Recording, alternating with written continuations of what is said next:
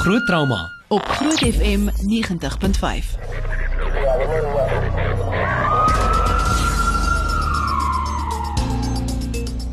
Baie welkom by Groot Trauma. Dis Woensdag aand, 'n klein Saterdag en soos gewoonlik weer lekker Groot Trauma program. Uh, ons gaan so 'n bietjie later begin livestream uh, met ons onderwerp oor or orgaanskenking en Jacques gaan 'n bietjie meer daaroor vertel gegaan. Waaroor ons gaan gesels? Ja, Pieter, goeienaand, goeienaand aan almal wat luister ook. Ehm um, dis 'n uh, orgaanoorplantingsmaand as ek dit nie mis het in Augustus en ek dink dit is 'n 'n baie goeie onderwerp om bietjie te kan gesels um, met iemand wat ook deur orgaanoorplanting was haarself ehm um, vanaand en ehm um, ons gaan 'n bietjie gesels oor ehm um, al die tipes orgaanoorplanting, hoe jy op 'n orga as orgaanskenker ehm um, geregistreer kan word, wat jy moet doen om met jou familie ehm um, voordat jy die dag op daai punt kom waar jy orgaanskenker is en ehm um, wat jy met jou familie moet bespreek voor die tyd ehm um, wat baie baie belangrik is met dit. Maar voor ons uh, verder gaan, um, ek gesels gou 'n bietjie met Zander Loubser. Hy is 'n uh, eh, ALS en amper BTech of nee, ek is seker maar sê jy's BTech, nee Zander. Halfpad, halfpad, goeienaand Pieter. Amper, daar's lekker om weer 'n bietjie met jou te gesels Zander. Uh, aan die pad van Midrand, hy's bietjie daarso by Heile op skof vanaand tot môreoggend vroeg. En ehm um, Zander, ons bietjie met jou gesels oor die afgelope week. Ehm um, jy het afgestaan op 'n toneel uh, naby Kalinin. Kan jy miskien nog vir ons sê wat presies gebeur het ehm um, met die leeu aanval die afgelope week? Dankie goeienaand Pieter, goeienaand dokter van die kerk. Uh, mis vir julle hierso ehm um, van die helikopter af. Ek mis groot trauma, maar ek gaan julle weer binnekort sien. Uh Pieter, dankie vir die geleentheid om te gesels. Uh, ja, ons was gister middag ongeveer so 0.5 uitgeroep na 'n leeu aanval toe. Ehm um, na by Kalinin area van die Nuking area en uh toe ons uh, op pad was in die geval toe toe het ek kontak gemaak met uh, een van die persone op die toneel nou die aard van die saak is is nie iets wat elke dag gebeur nie so weet uh, ek kan dink dat die die ambulanspersoneel weet meer inligting sou gewaardeer het weet op wat daar waar is die leeu's uh, hoe gaan dit met die pasiënt? En met die telefoonoproep wat ek met die persoon gehad het ehm um, was was daar op daardie stadium in tyd was daar net twee van die leeu's ehm um, doodgeskiet. En hulle het beskryf dat die pasiënt reeds aangeval was deur die leeu's maar die pasiënt is nie toeganklik nie die lyn het toe uitgesny die sein was verskriklik swak so dit was ook 'n moeilike oproep in in terme van kom, kommunikasie en uh toe die uh, oproep het my weer teruggebel so na so omstreeks so 5 minute 10 minute toe hy uh, vir my gesê dat die derde leeu is nou van kant weet kant gemaak van en um die pasiënt is nou toeganklik en hy weet hy lyk vir hulle oorlede So uh, op daardie stadium tyd het ek toe vir die ambulanspersoneel gesê hulle moet maar rustig vat. Um, ons het helikopter bystand weet op bystand gehad. Dit was almal gesê okay, dit klink nie um, of dit weet of dit 'n uh, wenbare situasie gaan wees nie. En uh, daartoe 'n gemeenskapsmedikus bevestiging gegee dat die persoon is oorlede. Ja, ek ek het nog gesien op op al die artikels op uh, die nuuswebblaaie, weet jy, vir Marula Media Netwerk 24 rekord noord en nie meer waar die mense eintlik half uh, uh die die mense wat wat nou die leeu se skiet het gekry sê sê ja maar hoe kan jy die leeu skiet? Sulke goede maar ek, ek voel net jy weet as as 'n mens se lewe in gevaar is uh, en ons geen ander manier om by die by jou uit te kom nie dan moet 'n mens ongelukkig weet dit doen ek bedoel as, as jy uh, ek sê altyd weet sit, sit jouself in 'n situasie as jou pa of ma of dogter of seun in so 'n situasie was as jy nie by die by die persoon kan uitkom nie wanneer daar's gevaar dan moet die mens natuurlik eers die die gevaar verwyder. Ongelukkig hmm. en dan by die pasiënt kom is dit nie waar nie. Ja, dis korrek Pieter. Ja, dis natuurlik is dis hartseer geval in in in die algeheel. Ehm um, weet iemand se iemand se lewe geneem en nie net iemand se lewe nie. Weet hy was uh, weet dit was die eienaar van die drie leeu's gewees en dit soos mens kan aflei van van die media berigte en die kommentaar van die familie. Hy was 'n groot uh, leeuliefhebber gewees. Hy het 'n groot passie gehad vir hulle. Ehm um, maar dit is nou ongelukkig die realiteit ehm um, wanneer ek weet mensdom en wil by mekaar kom. Ehm um, ek het toe met die oproeper gister gepraat en ek het hom ek het hom gisterand het ek met hom kontak gemaak um, net om te hoor of hy okay is want weet dit was alles so vinnig en dit is 'n tragiese byeenkoms en hy was daar gewees en toe dit dit aan my later meegedeel dat hy is eintlik die persoon wat die leeu geskiet het want ons het daaroor gepraat ek het bietjie meer gevra daaroor en um, en toe weet praat ons maar oor die kruisiging op sosiale media en so meer en uh toe sê hy, hy presies wat jy nou sê hy hy hy het gedoen wat hy gedoen het hy was hy niemand was in sy skoene nie. Ehm um, en weet dit hy het magteloos gevoel. Dreen leeu nog op die op die pasiënt was en hy het hy baie gevoel hy moet hy moet plan maak. En ja, niemand kan bevestig of hy self ook het gesê hy kon nie bevestig of die oom nog lewe op daardie stadium in tyd toe hy die leeu geskiet het nie. So ehm um, baie van die mense ehm um, spreek spreek hulle self uit oor die die pasiënt was reeds oorlede en toe word die leeu nog geskiet. Um, maar soos dit vir my klink, ek weet na aanleiding van ons gesprek en ek dink hy sal enige probleem hê as dit sê nie ehm, dit was dit maar 'n vuur en vlammige situasie en weet hy in die ingewing van die oomblik opgetree. Nee, verseker ek eh, ek kan dink uh, ek meen in daai geval weet mense kan ons nou nie na die pasiënt toe gaan en kyk vir 'n pols nie, verstaan jy? Ja, dis aan die ander ja, kant van die van die draad. So ja. en jy kan ook nie ja. jouself uh hoe kan 'n mens sê in daai posisie sit om in te gaan en jy weet miskien word jy dan aangeval nie, weet. So um, ek dink hy het reg opgetree, dis maar net my persoonlike opinie. Ehm um, ja.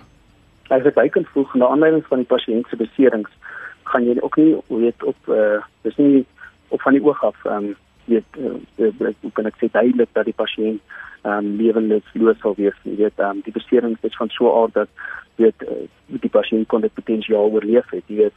So dit is definitief iets wat assessering ehm um, weet sou sou um, regverdig en ek is baie dankbaar in 'n in 'n mate dat ehm um, ek spesifiek en weet my personeel um, nie in daai situasie geplaas was wat hulle nie toegang gehad het tot 'n pasiënt weens die die gevaar of die teenwoordigheid van 'n leeu.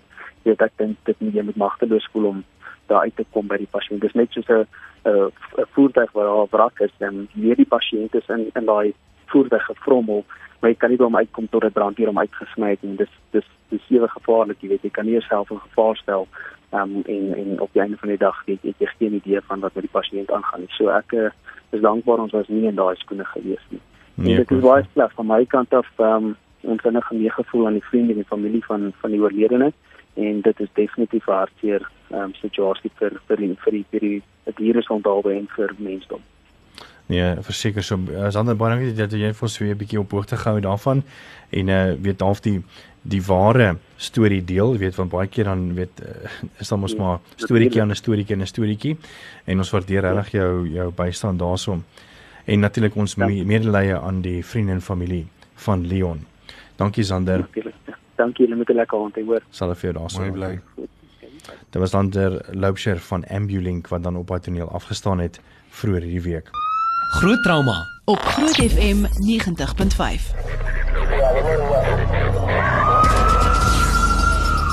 Welkom terug. Dis groot trauma op hierdie Woensdag aand en ons gesels nou verder bietjie oor orgaanskenkingsmaand en die belangrikheid van uh, om 'n orgaan skenker te wees.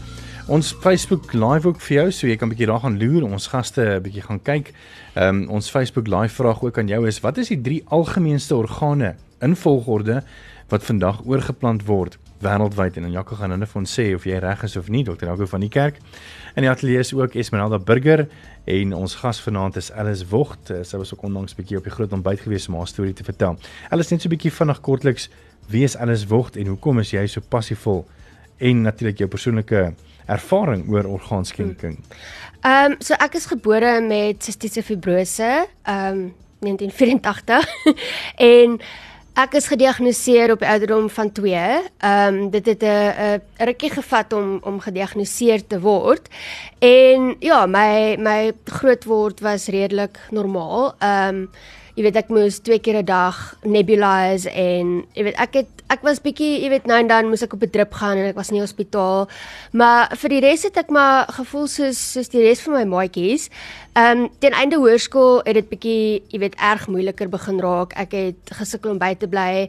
Ehm um, Ja, ek kon net oor die algemeen ek het gesukkel by skool om jy weet my tas, jy weet daai swaar skooltasse by die trappe op en af en Uh ja, ek kan net sê jy weet jou lewenskwaliteit gaan oor die algemeen stadig af, maar as iets so geleidelik gebeur, jy pas maar net aan. So as jy skielik nie meer drie stelle trappe kan uitklim nie, dan doen jy dit net nie. Jy vermy dit.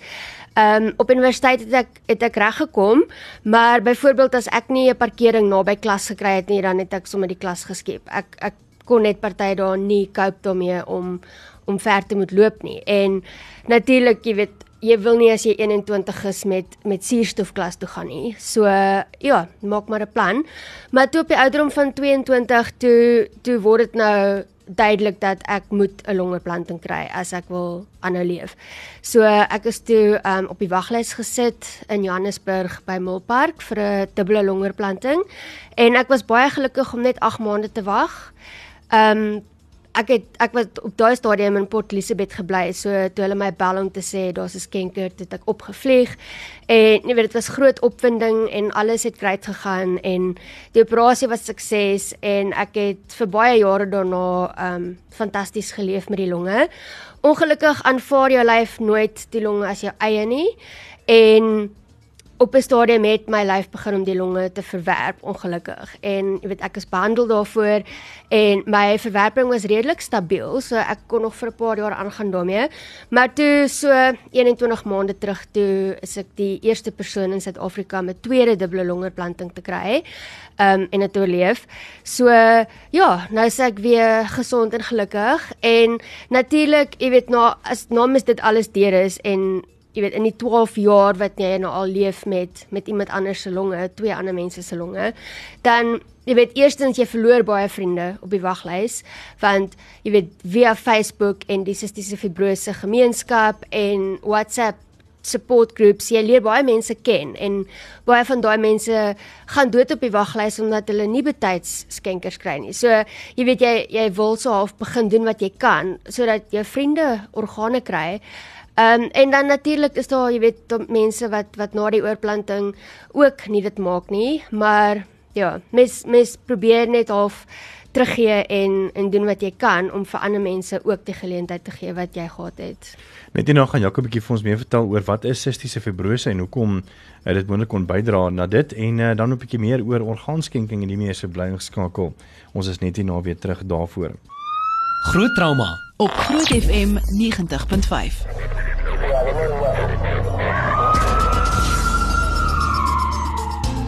Welkom terug. Dis groot trauma. Dis net so diskant 8:30 op die Woensdag aand. Ons gas vanaand is Alice Vogt. Sy's van Tel en uh sy gaan 'n bietjie later meer vertel oor die MPO en wat hulle doen. Sy het vroeër 'n bietjie gesels oor haar storie. Jy weet, sy's gebore met sistiese fibrose. Jakob, wat is sistiese fibrose? Pieter, jy laat my nou baie diep dink en baie lank terug. Ehm, um, soos ek dit het, is sistiese fibrose 'n genetiese siekte of 'n genetiese afwyking eintlik wat dan ehm um, uiting gee Ehm um, as mens na die kliniese beeld kyk aan indikking van sekrete, alle liggaamsvloeistowwe word dikker ehm um, primêr. So algemene plekke wat wat geaffekteer word uit die aard van die saak is die is die longe nommer 1. Ehm um, waar die slaim indik en die slaim is hoog in proteïen, so die eerste bakterie wat verbykom gee vir jou infeksie. So ek dink 'n groot groot probleem vir pasiënte met sistiese fibrose is gereelde longinfeksies. Nou as jy gereelde longinfeksies kry, kry is jy ook gereeld op antibiotika. As jy gereeld op antibiotika is of te gereeld, dan gaan jy waarskynlik weerstandigheid ontwikkel daarteenoor en later werk hierdie goed nie meer nie. Ehm um, dis die een ding. Die tweede ding is met elke longinfeksie ehm um, kan mens littekenformasie kry. Jy weet, almal kry 'n gewone bronkietis. Ek praat nou nie van cystic fibrose pasiënte nie. 'n Gewone persoon sal 'n bronkietis kry en hoes en sy week antibiotika kry en ehm um, dan hoes hy nog vir 3 weke daarna en en hy weet nie hoekom dit gebeur nie. Dis omdat daar maskade ook in die in die lugweë is wat nog moet herstel en dit vat tyd.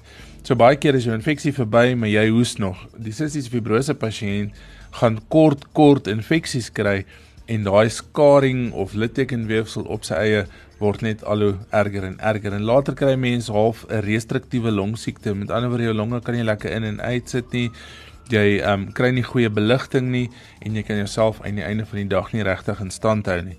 En dis die groot probleem. Ehm um, boonbehalwe die longe, die pankreas, die lewer, die niere, die aard van die saak die darmkanaal wat ook uh, vog afskei, al daai organe kan ook aangetast word, maar ek dink die meeste probleme as sulks kom van kom van of, op op op die longe neer. Ehm um, ons het nou gehoor en dit is eintlik 'n wonderwerk om om saam met so 'n persoon in 'n in 'n vertrek te sit om twee longoorplantings um ver uit mekaar uit te oorleef want dit is 'n ongelooflike groot operasie is 'n baie um indrukwekkende prosedure. En um, ons kan nou net dalk praat oor al die verskillende tipes oorplantings maar um wat sissies fibrose spesifiek aanbetref um word daar beskryf van die domino transplantation of die domino oorplanting ehm um, waar party persone dan nou sissies fibrose het, longsiekte het en die hele hart en longstelsel word saam oorgeplant uit die donor uit in die in die pasiënt in. En baie keer is die sissies fibrose pasiënt se hart nog so goed en dit kan weer in 'n volgende persoon om oorgeplant word. Gebeur nie altyd so nie, maar ehm um, dit is een van die van die goed wat kan gebeur. So ja, ek dink sissies fibrose is 'n baie moeilike siekte dis nie altyd maklik om te diagnoseer nie. Die eerste ding waaraan jy dink as jy iemand sien wat gereeld ehm um, lugweginfeksies kry as 'n kind nie, maar ehm um, mens moet uitkyk daarna definitief. Ja, ek het net vanaand gevra, jy het baie interessant gesê van ehm um, die domino oorplanting ding. Mm. So sal die pasiënt soos byvoorbeeld alles wat net so by ons sit, ehm um, sal die dokters dan kyk na hart as hulle dan weet hulle gaan 'n domino so hulle, hulle sal vir sê luister ons gaan jou hart ook dan oorplant aan iemand anders mm. en jy kry kry dan weer die hart en longe van die ander persoon. So dis eintlik dan drie dubbele drie dubbele ding. Wow. Ehm um, maar jy moet ook ag dit en dis hoekom ek sê dit gebeur nie altyd nie. Jy moet ook gaan kyk. Dit help nie jy eh, gee vir die persoon wat jy die longe vooroorplant 'n slegter hart as wat hulle reeds gehad het nie, mm. nê. Nee.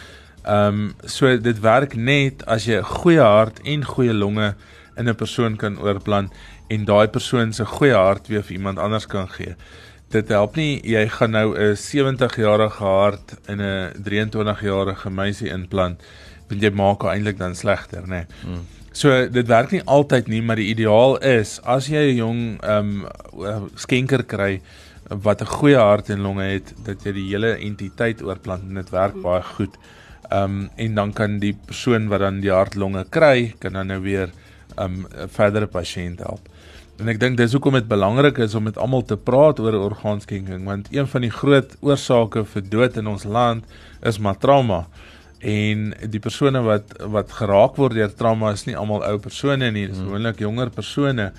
En ons sit ek weet in die trauma eenheid waar ek werk, is daar so baie wat 'n mens sien, jy weet, hier's geen hoop nie of die persoon is breindood of jy weet, daar's net geen manier hoe hierdie lewensvatbaar is met lewe nie en dis jong persone en baie keer gaan daai organe heeltemal verlore omdat of mense is nie ingelig nie of die besluit kom te laat en die familie weier of niemand het ooit nog met hulle gepraat daaroor van tevore nie. So ek dink dit is belangrik om 'n om 'n bewustheid daarvan te hê. Interessant om te weet en om 'n gedagte te hou ook soos dokter van die kerk nou gesê het, trauma is die grootste oorsaak van dood in ons land en dan sy jonk as iemand 'n orgaanskenker is, kan jy tot en met uh, orgaan en weefselskenker, um kan jy tot en met 50 lewens verryk of verleng of verbeter. So jy kan regtig een persoon wie 'n orgaan en weefselskenker is, kan soveel mense se lewens verryk. Hmm.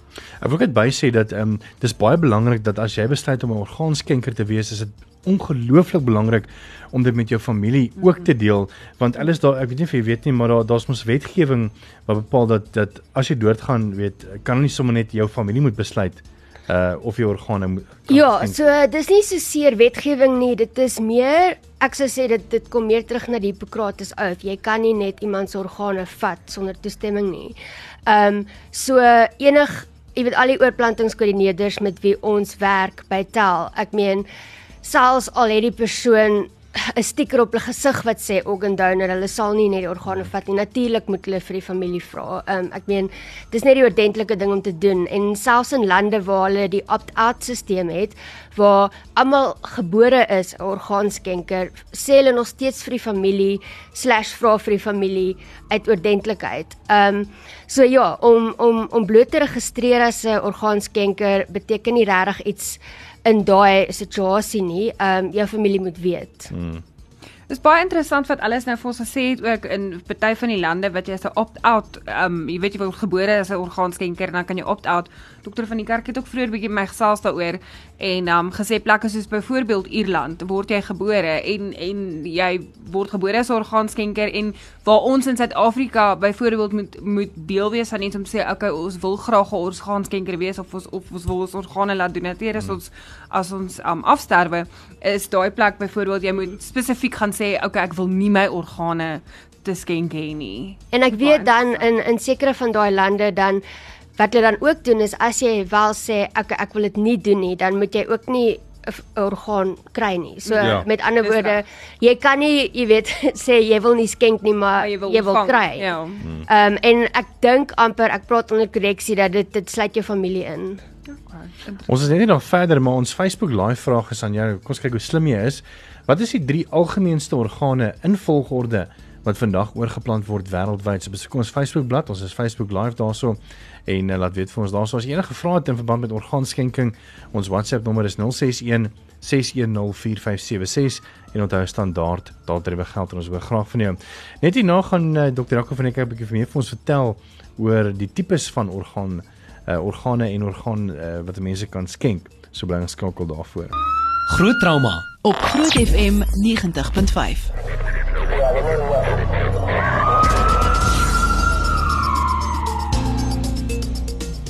Nou vir ons verder gesels oor orgaanskenking, ehm um, dink ek dis nogal belangrik om te weet oor uh wat gebeur nou met met, met 'n persoon en as byvoorbeeld kom ons sê ehm um, ek het 'n skietwond in die kop, uh Jaco, ehm um, ek is nou by die trauma eenheid, my familie is daar en jy weet ek gaan dit nie maak nie. Ja, Hoe Pieter, hoe werk julle stelsel van orgaanskenking eintlik? Pieter, hoe dit ehm um, ek ek kom nou uit 'n net keer agtergrond, so ek gaan nou maar praat soos wat soos wat die stelsel daar werk. Ehm um, as ons so 'n persoon kry en dit, ek, ek was al betrokke by sulke gevalle ehm um, gestel skietwondkop soos jy sê. Ehm um, en ons sien die persoon is onverenigbaar met lewe, die kans dat hy dit gaan oorleef eintlik is nul. Dan het um, ons twee nommers wat ons skakel met dames wat dan deel is van Netcare of in die Netcare werk en ehm um, hulle sal dan kom terwyl ons nog met die pasiënt werk om met die familie te begin praat want dit is 'n proses waardeur hulle gaan. Dis nie net sommer kom in en sê meneer mevrou kan ek asseblief jou seun se hart of longe of niere kry nie. So hulle begin uh, die mense ondersteun en hulle begin eintlik 'n redelike band bou met daai persoon. Ehm um, wat belangrik is dink ek is daai persoon wat die skenker dan nou is of die persoon wat geen uit, uitkoms ehm um, vooruitsigte het nie word ongelooflik goed behandel nog steeds. Die groot ding is ons resusciteer hulle nog steeds 100%. Inteendeel dalk nog beter. Ons sit hom nog steeds in ICU. Ons behandel hom nog steeds want ons wil ook daai organe aan die lewe hou. So die persepsie wat mense het van uh, as jy 'n orgaanskenker is of hulle sê nee, dan dan gaan jy nie meer Nee, mooi kyk nee, na die nee, persoon nie. Jy gaan maar net sê okay, net maar dood gaan ons laat ons nou kan oes en klaar kry. nie. Ja, ja. Dis glad nie so nie. Ons behandel hulle ongelooflik goed en um, ons hou aan om hulle te behandel en ten volle te resusciteer om uh, soveel as moontlik dan ook gered te kry van die organe. Um selfs met die met die oesting van die organe, jy weet, um ek was nou al betrokke een of twee keer in in so 'n proses ook waar ek geassisteer het in die oesting van van van organe en die persoon gaan nog steeds teater toe, kry nog steeds in narkotiseer. Um word chirurgies ordentlik oopgemaak, die organe word ordentlik verwyder um met goeie chirurgiese tegniek want onthou ons wil daai persoon se organe oorplant en dit moet oorplantbaar nog wees. Um die persoon word na die tyd ordentlik geheg en en net soos enige chirurgiese operasie um gaan die hele proses deur. Um dit is nie 'n ding van ons sien jou nou net as 'n eintlik 'n 'n klein winkeltjie of 'n supermark waar ons nou net mm. kan gaan uithaal wat ons wil hê nie. Dit is regtig 'n baie ek wil amper sê decent en baie menslike manier um wat dit gedoen word om om om so 'n persoon dan te opereer. Alles hoe het um, or- orgaanoorplanting jou siening van uh, van skenkers en van orgaanskenking verander? Ehm um, dis eintlik baie moeilik om in woorde, jy weet dit dit uit te druk. Ehm um, want ek meen obviously my my lewe is gered deur 'n skenker en ehm um, ons word aangemoedig om 'n om 'n dankie sê brief te skryf vir die familie wat ek in in albei gevalle gedoen het. En Party mense sukkel met brief te skryf. Party mense skryf eintlik nooit 'n dankie sê brief nie wat ek dink swak is, maar dit is jy weet hoe kan ek dit stel om vir iemand te sê dankie dat ek leef. Dit is 'n moeilike ding om te sê, maar ehm um, jy weet jy kan maar net jou bes te doen. En dan wat jy vir hulle sê is jy weet weet danksy julle is ek nou ehm um, kan ek werk weer. Ek kan my jy weet susters se kinders sien groot raak. Ek kan daar wees vir my ouers. Ek kan so baie goed doen wat ek nie kon doen nie. Ek kan 'n stel trappe oploop wat ek nie eers kon doen nie. So jy weet jy probeer dit in die dankie sê brief ook insit en ja, jy het net daar's daar's eintlik glad nie 'n manier om vir iemand dankie te sê nie. En ehm um, jy dink elke dag aan hulle en hulle gesin. Uh, en selfs al dink jy nie bewustelik aan hulle nie. Jy weet elke keer wat jy gym toe gaan of of swem of hardloop dan dan is hulle amper daar by jou. So dit is nogal 'n geweldige ehm um, vreemde gevoel om om te beskryf, maar ek sou sê 'n gevoel van dankbaarheid, net net oral net dankbaarheid. En en jou kwaliteit van lewe uh, voor en na die oorplanting, uh, is dit beter? Ek kan dit glad nie vergelyk nie. So ek weet soos jy weet sekere pasiënte wat dalk nou wag vir 'n nieroorplanting. Jy weet hulle was gesond en dan dan raak hulle siek en hulle gaan op dialyse en dan kry hulle nieroorplanting en dan sal hulle weer terug waar hulle was. Maar in die geval van sistiese fibrose en 'n longoorplanting, dis die eerste keer wat jy kan asemhaal. So dis nie 'n geval van o, ek het 'n tweede kans op die lewe nie. Dis jou eerste kans op die lewe. En jy weet jy jy kyk amper so of jy weet dan ewe skielik dan dan kom jy agter hoe maklik dit eintlik veronderstel is om te kan asemhaal. Soos jy het regtig gedink dit is vir almal moeilik om om dinge te doen. Jy weet of of ander mense steek dit beter weg dat hulle ook sukkel om trappe uit te klim. En hmm. dan kom jy agter dit was eintlik net jy. Ehm um, en dan kan jy skielik terugkyk na vriende van jou wat wat nog, jy weet, hulle oorspronklike longe het en jy sien ewe skielik hoe sleg het jy gelyk? Jy weet en dat jy blou was en hoe maar jy was en jy weet al hierdie dinge wat wat jy so gewoond aan was dat jy dit nie meer agtergekom het nie. So ja, dit en ek okay, soos byvoorbeeld ek sou sê 'n week voor my eerste oorplanting, ek was op um, binne-aars antibiotika al vir 3 weke. Ek kon omtrent nie by insteltrappe uitklim nie. Ek was permanent op suurstof. Ek was maar, so ek moes so 80 keer 'n dag eet. Ehm um, ek moes 3 keer 'n dag ehm um, jy weet fisio en nebulize om slijm uit my longe te probeer kry en dan die paar ure wat oorgebly het in die dag het ek probeer slaap. So van dit na 'n normale dag waar jy opstaan, werk toe gaan, gym toe gaan, kuier met jou vriende, net normaal wees en twee keer 'n dag 'n paar pille drink. Dit is letterlik wow. die verskil. Ja, wat sou organe kan geskenk word? Pieter letterlik onderend enige iets. Ehm um, ek dink mense moet onderskei tussen orgaanskenking en weefselskenking. Ehm um, as mens daarna kyk, ons almal weet nou van die hart en die niere en die lewer, die longe wat ons nou van gepraat, die pankreas, mense kan selfs darm ehm um, gedeeltes van jou darm uh, oorplant. En dan sal weefsel wat bene, die die ligamente of tendons, ehm um, jy kan korneas oorplant, jy kan vel oorplant. Ehm um, is maar al nou gepraat van in 2014 ja, wat ja. ehm ja. um, hulle die eerste handoorplanting en gesigoorplanting gedoen het, né? Nee. So ja, dit ek dink die, die die werk daar in terme van oorplantingsmedisyne is nog is nog nie gedoen 100% nie en ek dink daar's nog baie vooruitsigte wat ons wat ons in die toekoms nog gaan sien wat wat gaan gebeur en ek dink is 'n ongelooflike pad um en en 'n wye wye veld wat nog voor lê vir ons om om te ontdek oor wat ons alles nog kan oorplant. Hmm. Wat interessant is om ook te weet is dit dat dat mens um organe kan kan skenk nadat jy afgestorf het en dat jy ook 'n uh, skenker kan wees terwyl jy nog leef. Um jy kan 'n nier skenk terwyl jy nog leef, jy het twee, jy kan een skenk. Jy kan 'n gedeelte of jy kan een long kan jy skenk. Um jy kan 'n gedeelte terwyl jy nog leef. Ja, jy kan 'n gedeelte van jou lewer kan jy skenk, 'n gedeelte um wel 'n gedeelte van die long ook en dan gedeeltes van jou van jou van jou darm ook. Hoe hoe sou mens kwaliteit van lewe as ek dan besluit ek wil graag een van my niere uh skenk Jaco? Pieter, jy kan met een nier 100% 'n vol lewe lei. So die oorblywende nier neem eintlik maar die funksie van die van albei niere oor en 'n nier is 'n ding wat regtig baie harder kan werk as wat hy doen.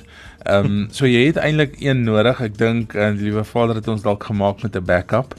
maar ehm um, mens mens sal baie keer hoor hoeveel hoe hoe swak mense se nierfunksie eintlik is voordat hulle begin met dialyse byvoorbeeld. So baie mense ehm um, wat in groot ongelukke is, weer eens my deel van die van die medisyne bedryf, ehm um, wat nierrupture het of niere wat heeltemal uitmekaar uitgeruk is, dan haal jy die nier uit en ehm um, die persoon leef 'n volledige volledige normale lewe daarna. Uh baie dankie vir 'n WhatsApp boodskap ook. Sien Selwyn het ons gestuur goeienaand. Ek het in 2017 twee leweroorplantings binne 1 maand uit uitmekaar uitgehad. Was 'n baie lank pad na herstel toe gewees, maar is vandag weer aan die gang. Wel gedaan om twee dubbele longoorplantings te oorleef, Alice. Dankie vir jou Selwyn dat jy jou storie deel. Jaco, hier's 'n baie interessante vraag van Caroline. Nou sy wil weet, ek is op warfarin behandeling lewenslank. Ek wil graag my organe skenk sou ek iets oorkom. Sal my organe kan gebruik as gevolg van warfarin? En die antwoord is 'n definitiewe ja. Hulle gaan definitief jou organe kan gebruik. Ehm um, die die warfarin maak geen verskil aan of jy 'n orgaan oor of uh, skenker kan wees of nie. Definitief. Ons Facebook vraag was uh, wat is die drie algemeenste organe in volgorde wat vandag oorgeplant kan word wêreldwyd? Ehm um, ek sien Joanne Botha het gesê hart, longe en niere. Francisca de Bruin het gesê hart, long en lewer.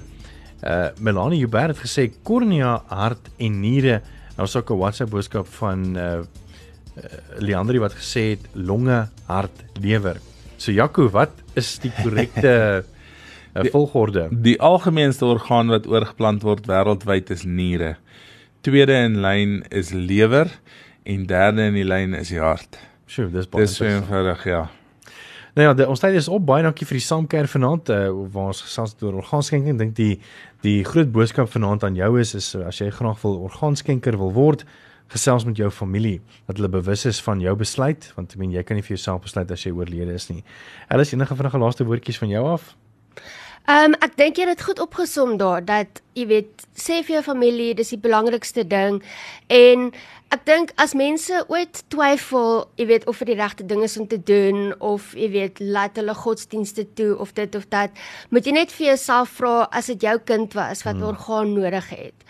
Hoe sal jy dan daar voel? En ek dink dis dalk 'n goeie manier om om enige ehm um, jy weet twyfel uit jou kop uit te kry. Esmeralda? Um, ek wil net sê dat mense in gedagte moet hou hoeveel mense se lewens jy kan aanraak en en verryk en danksy sulke mense is dit alles vanaand hier so by ons en en kan saam ons gesels. Na twee dubbele long oorplantings, nee, dis ongelooflik Jaco. Ja, van my kant af ook. Ek dink um, almal het so mooi opgesom, maar 'n mens mens kan soveel verskil maak in iemand anders se lewe. En wat gaan jy met jou hart en niere en longe en lewer en whatever maak as jy dan nou die dag dood is en jy onder die grond lê. Hmm. Ehm um, is daar enige nut vir hulle? Dis nie meer jy wat dan daar is nie. Jou siel is dan klaar weg. Ehm um, en iemand anders kan regtig waar nog 'n kwaliteit lewe lei.